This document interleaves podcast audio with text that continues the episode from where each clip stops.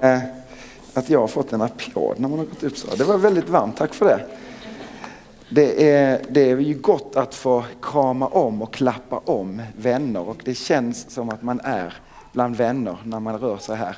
Det är väldigt, väldigt gott. Eh, vi ska få stanna upp för, ska vi säga den andra söndagen i den serien som vi startade förra söndagen och som kommer att pågå nu fram till och med februaris utgång. Och eh, det handlar om den här boken. Och egentligen så gör ju varje predikan det, men nu så är det liksom nästan dedikerat liksom ett antal söndagar där vi får stanna upp inför den här boken.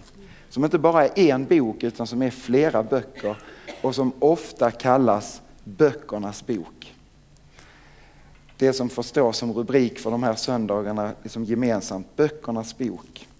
Tänk er Bibeln, det finns inte överhuvudtaget någon i närheten, någon annan bok som är så läst, så spridd, så brett översatt till olika språk som den här boken.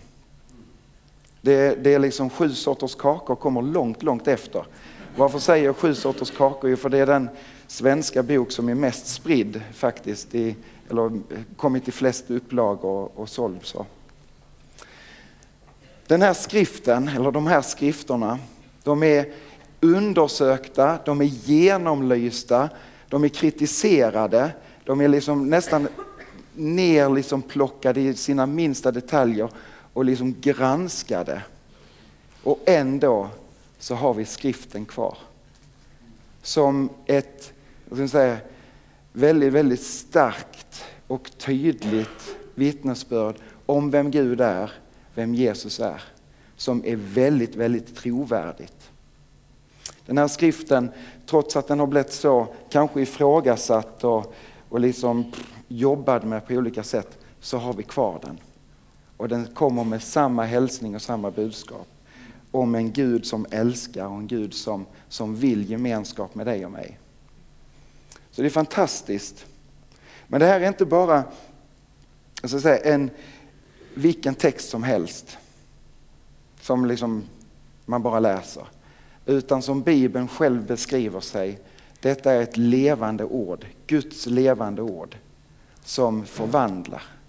Och därför är det också så underbart när vi, när vi närmar oss bibelmaterialet att vi också genom hela historien kan få möta människor med starka vittnesbörd om att här har jag fått möta Gud.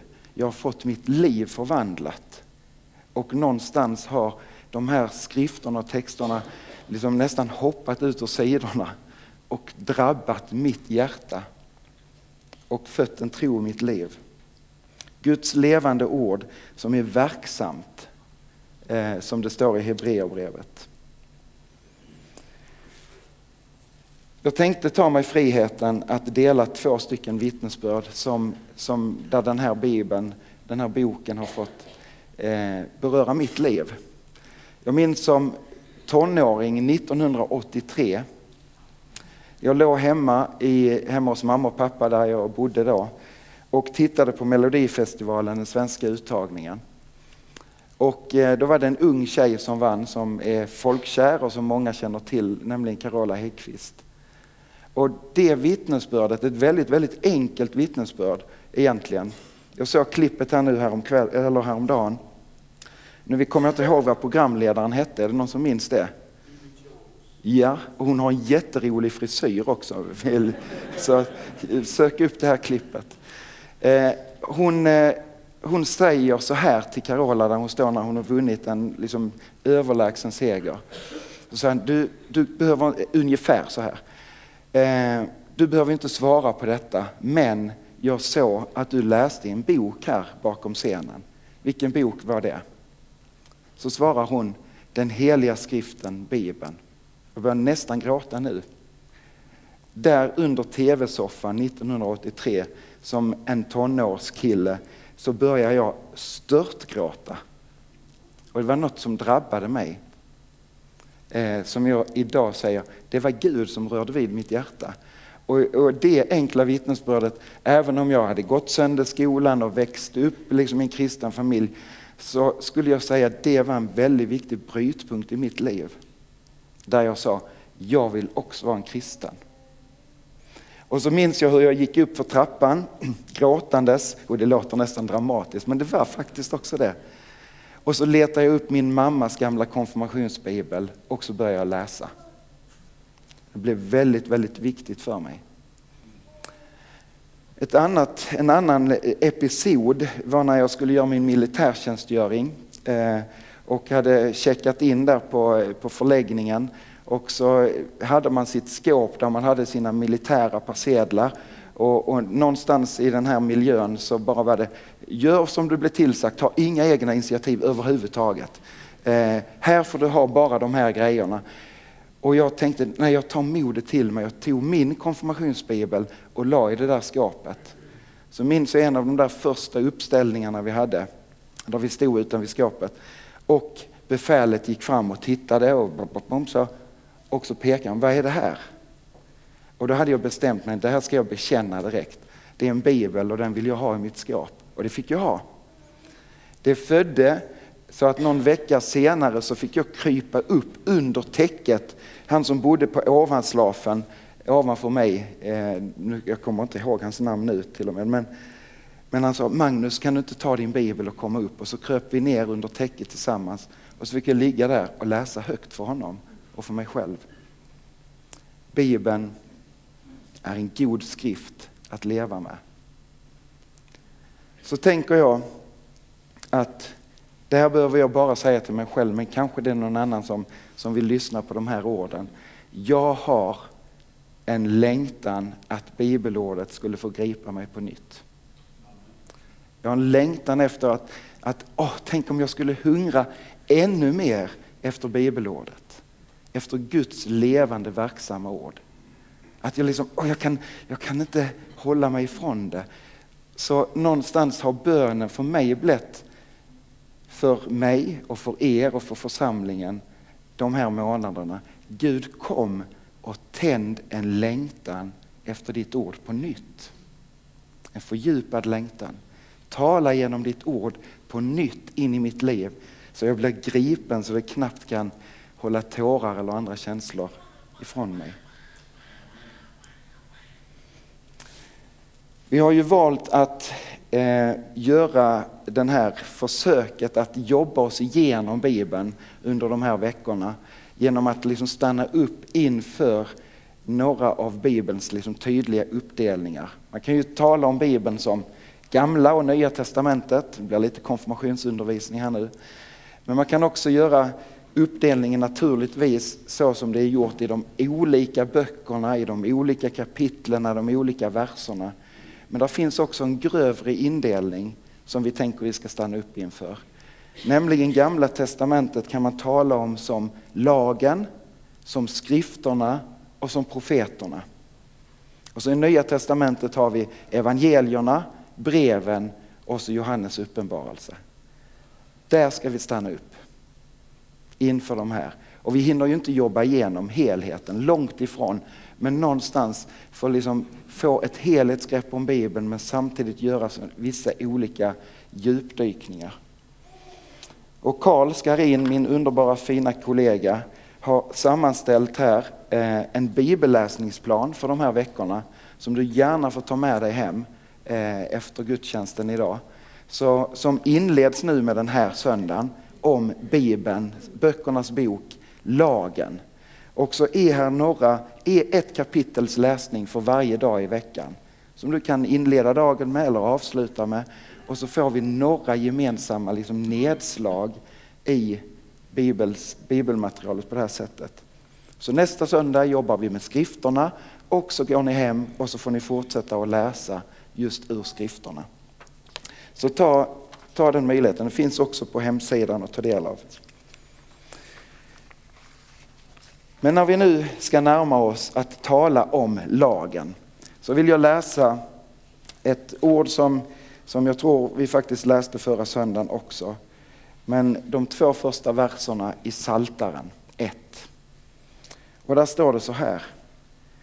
Lycklig den som inte följer de gudlösa, inte går syndares väg eller sitter bland härdare utan har sin lust i Herrens lag och läser den dag och natt. Där är denna liksom, oh, den som hungrar efter Guds ord. Men vad är det då att läsa och umgås med lagen kan man ju fundera på. Lagen är ju inte alltid ett sånt där ord och begrepp som klingar direkt positivt alltid. Utan det kan kännas som att lagen ska begränsa oss och så. Men när vi talar om lagen i det här avseendet så, så kan man tala om lagen i egentligen tre olika perspektiv. Dels så är det ett begrepp som, som omnämner de fem Moseböckerna. Det är liksom Torah, lagen, i Gamla Testamentet. Men man kan också tala om det som att det är profeternas och prästernas undervisning och hälsningar från Gud. Och det nästan kan omfatta hela bibelmaterialet. Att man säger, här talar Gud och det är, lagen är Guds vilja och Guds önskan. Det som vi kanske oftast kommer att tänka på, det är de där budorden. De tio budorden som den gamla goda filmen hette en gång. Och vi ser liksom kanske bilden framför oss från någonstans att Mose som går upp på Sinai berg och kommer ner med stentavlorna och Guds budord nedskrivna där. Läser om det i Andra Mosebok kapitel 20 bland annat. Men de där tio orden skulle man egentligen kunna sammanfatta i ett enda ord. Och det inleder faktiskt Andra Mosebok kapitel 20 så här. Ska vi se. Enda stället jag inte la en lapp. Men vi hittar den då. I Gamla Testamentet som P.A. skulle sagt till mig. Detta inleder liksom den här hälsningen som Gud ger genom Mose till folket. Då säger han så här. Detta är vad Gud sa. Jag är Herren din Gud som förde dig ut ur Egypten, ut ur slavlägret. Det räcker egentligen. Bara detta att befästa att jag är Gud som befriar er. Och så kommer följden. Därför, gör er inga andra gudar. Du ska inte ha några andra gudar sidan om mig. Hade vi hållit det så hade liksom inte alla de här andra följdbuden behövts komma. Men nu lever vi i en trasig värld. Så Gud behöver liksom ge sin vägledning. Gör inte på det här sättet, för då gör ni er illa. Och lagen ges inte för att begränsa oss, utan för att vi ska kunna leva ännu friare egentligen. Men det sammanfattas i detta. Men varför behövs då de här följdlagarna, vad man ska säga? Jo, som det står i eh, femte Mosebok eh, kapitel 5 och 29 så står det så här. Tänk om de kunde bevara samma sinnelag och alltid frukta mig och hålla alla mina bud. Då skulle det för all framtid gå väl för dem och för deras ättlingar. Alltså lyckas vi inte med det. Men tänk om vi hade lyckats hålla detta enda budet att låt Gud vara Gud och vara hans älskade barn. Han betonar det igen om vi fortsätter läsa lite längre fram i femte Mosebok och kapitel 6 och verserna, versen 4 så kommer det igen. Det här känner ni kanske igen. Hör, o Israel, Herren är vår Gud, Herren är en. Du ska älska Herren, din Gud, av hela ditt hjärta och med hela din själ och med hela din kraft. Där har vi lagen. Och Jesus han kopplar ju till detta när han själv också får frågan, vilket är den största, det största och viktigaste budet? Och så kan vi slå upp i Matteus 22. Och så verserna 36 till 40. Så står det så här. Mästare, vilket är det största budet i lagen? Han svarar honom, och så känner vi igen detta från femte Mosebok. Du ska älska Herren din Gud med hela ditt hjärta och med hela din själ och med hela ditt förstånd. Detta är det största och första budet. Sen kommer ett av samma slag. Du ska älska din nästa som dig själv. På dessa båda bud vilar hela lagen och profeterna. Där har vi grunden. Där har vi egentligen allt. Det räcker med den vägledningen. Älska Herren i Gud av hela ditt hjärta och din nästa som dig själv. Men det klarar vi inte av riktigt. Så kan vi välja att se på lagen när vi liksom talar om lagen utifrån GT. Men om vi lyfter perspektivet lite grann och så liksom försöker blicka på lagen i det perspektivet, liksom de fem Moseböckerna. Fem delar som har en lång, lång liksom tradition bak av att det just har de här fem delarna. Och det var där jag började läsa som tonåring 1983. Jag började första Mosebok, för jag tänkte det är så man läser en bok. Så jag började i början. Och det är jättespännande läsning. Man kan läsa om hur Gud har en vilja. Jag skulle inte uttrycka mig riktigt så här som tonåring att oh, nu har jag läst det här förklarat. Men, men ändå att Gud har en vilja, han har skapat människan. Det är en önskan från, från Gud själv att leva i en relation med oss. Men så går det snett, syndafallet kommer där. Också väldigt, väldigt tidigt kommer det första evangeliet. Vi måste, det kanske inte kommer här men jag måste få slå upp och läsa det. Första Mosebok 3 och 15 tror jag det är. Jo, så står det så här. Eller det fanns inte, men nej, det gjorde det inte. Jag ska väcka, det är Gud som talar till ormen som har lurat människorna bort ifrån Gud. Alltså Gud som talar till djävulen. Och så säger han så här, jag ska väcka fiendskap mellan dig och kvinnan mellan din avkomma och hennes och de ska trampa på ditt huvud och du ska hugga dem i hälen. Första evangeliet. Och vet ni vad som är så underbart med evangeliet? Att det står jag skall göra. Gud ska göra. Det är allt evangeliets grund. Det är Gud som ger och det är Gud som gör. Så fortsätter man läsa i första Mosebok och får, får liksom greppet om, om Abrahams kallelse och patriarkhistorien och det är fantastiskt spännande berättelser om, om de som vi liksom kallar Abraham, Isak och Jakob eh, när man talar om Abraham, Isak och Jakobs Gud. Eh, vi får läsa där om löftena som Gud ger och förbundet som Gud sluter med sitt egendomsfolk men som också vi får inlämna sig i tron på honom. Och så läser man andra Mosebok och då dyker Mose upp plötsligt. Eh, han föds där och det är en extremt spännande läsning om hur Gud räddar genom Mose hela folket ifrån fångenskapen i Egypten. Andra boken, andra Mosebok som kallas Exodus, uttaget.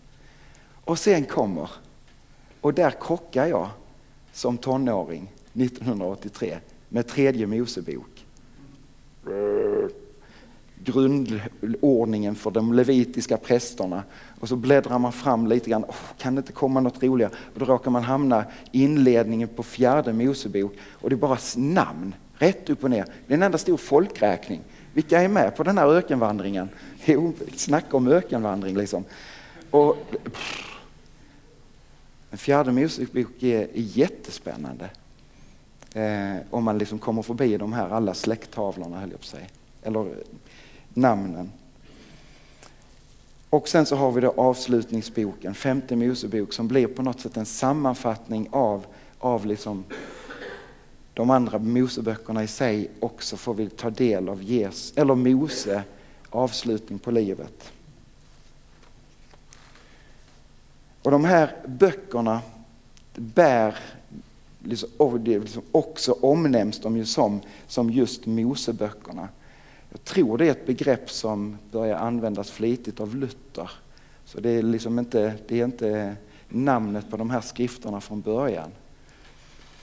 Och det är kanske inte så att Mose har skrivit ner hela de här texterna i sin helhet.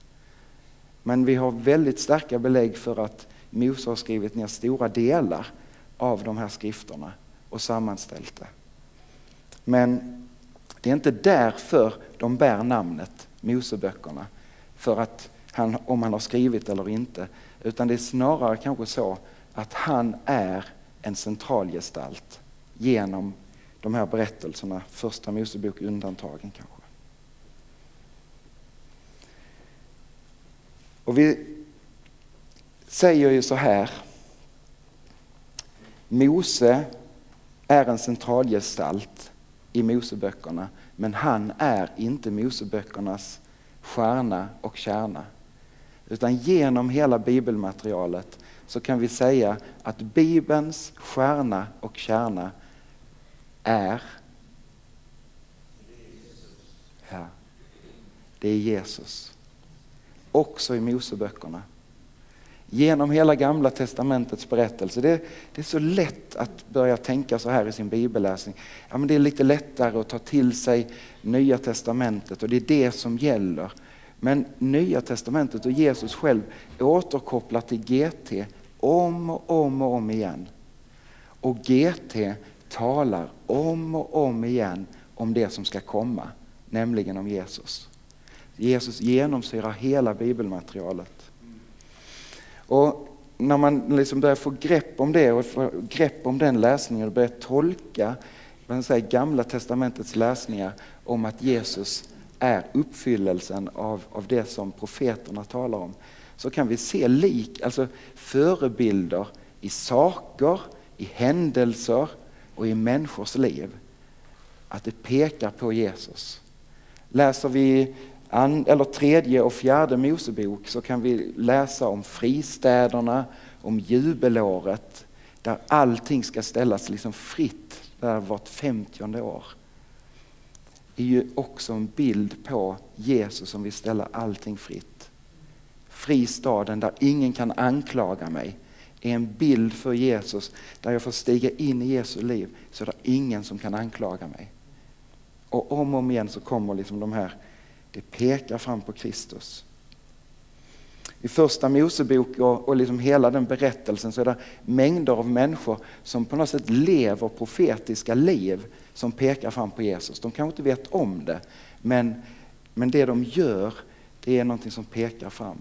Vi har Adam, vi har Noa, vi har Melkisedek, vi har Abraham och vi har Isak. Isak som Abrahams son som skulle går upp på berget och offras. Och Isak han är på något sätt beredd, han går upp på berget och så ställer han sig där. En förebild för Jesus som också gick upp på Golgata kulle. Men så är också då Mose i sig en tydlig förebild på Kristus.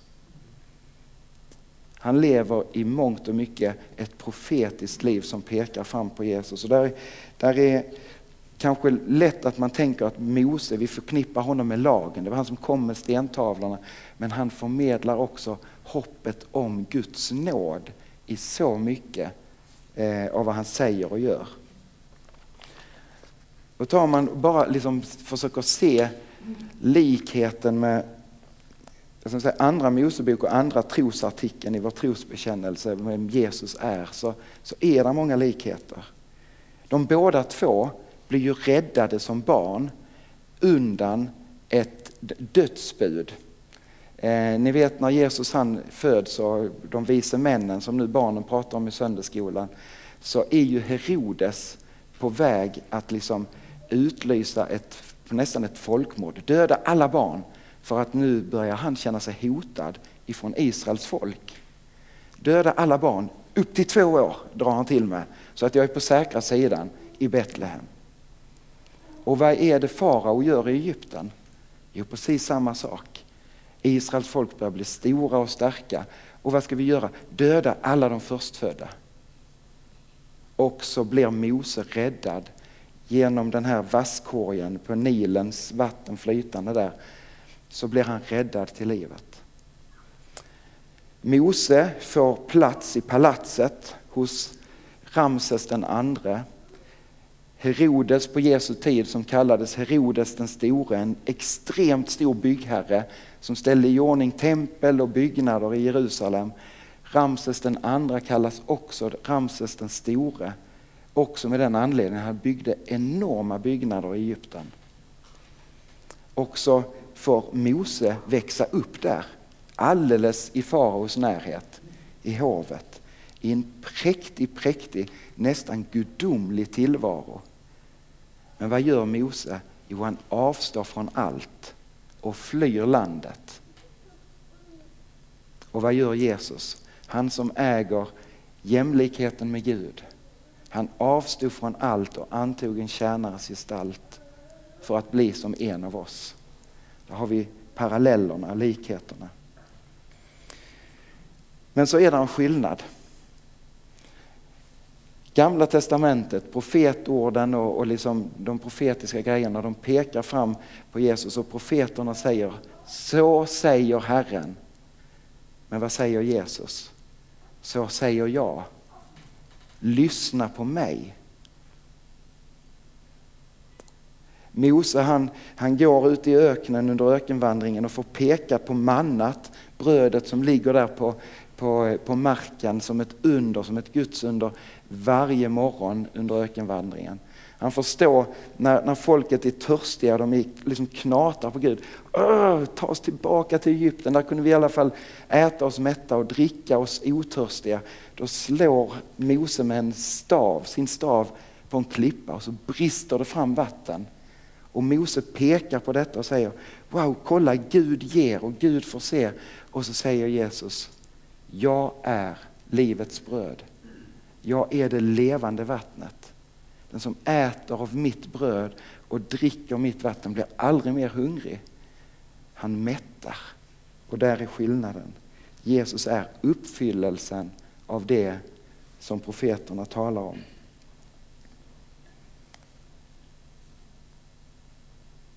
Mose han fick vara med om att leda folket ur en befrielse ur fångenskap och från död till liv genom att slakta ett påskalamm. Jag vet inte hur väl du kan den här storyn men jag uppmuntrar dig annars att läsa Andra Mosebok i sin helhet utanför bibelläsningsplanen. Eller den. Eh, men Mose får göra många tecken och under, också där likheten med Jesus, inför farao. Eh, för att liksom på något sätt påtvinga den här, att eh, farao skulle släppa folket. Alltså gör han inte det, han förhärdar sitt hjärta och släpper inte folket. Och den sista prövningen, då säger Mose, Gud kommer att låta sin dödsängel gå fram och döda alla förstfödda i alla hem. Där är en dom över Egypten. Och var finns Israels folk? Jo, Egypten. Domen är också över dem. Men så talar Gud till dem och säger slakta ert påskalamm, var beredd att bryta upp. Ta blodet från påskalammet och stryk på dörrposten och så går ni in. Och när dödsängen kommer och ser blodet på dörrposten så kommer han att gå förbi. Och ni kommer att vara räddade till livet.